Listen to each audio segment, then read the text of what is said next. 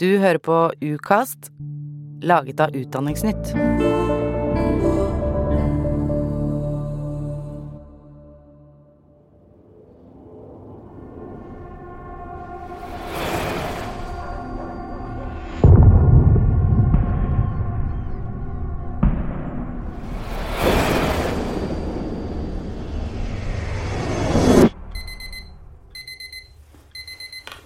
24. februar 2022 våkner 15 år gamle Karina opp hjemme i leiligheten i Dnipro sørvest i Ukraina.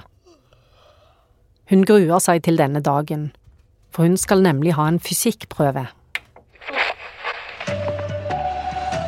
Her er NRK Dagsnytt klokka sju. Russland har i natt invadert Ukraina. Men Karina skal ikke ha fysikkprøven. Hun skal i stedet flykte for livet bort fra alt hun kjenner.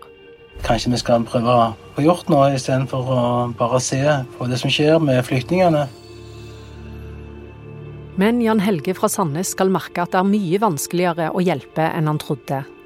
For hvor i all verden skal han gjøre av 70 flyktninger fra Ukraina? Du hører historien om da flyktningene kom til Ålgård, laget av Utdanningsnytt i samarbeid med Lyder Produksjoner. Jeg heter Sonja Holtermann. Dette er episode én. Kanskje vi skulle gjort noe.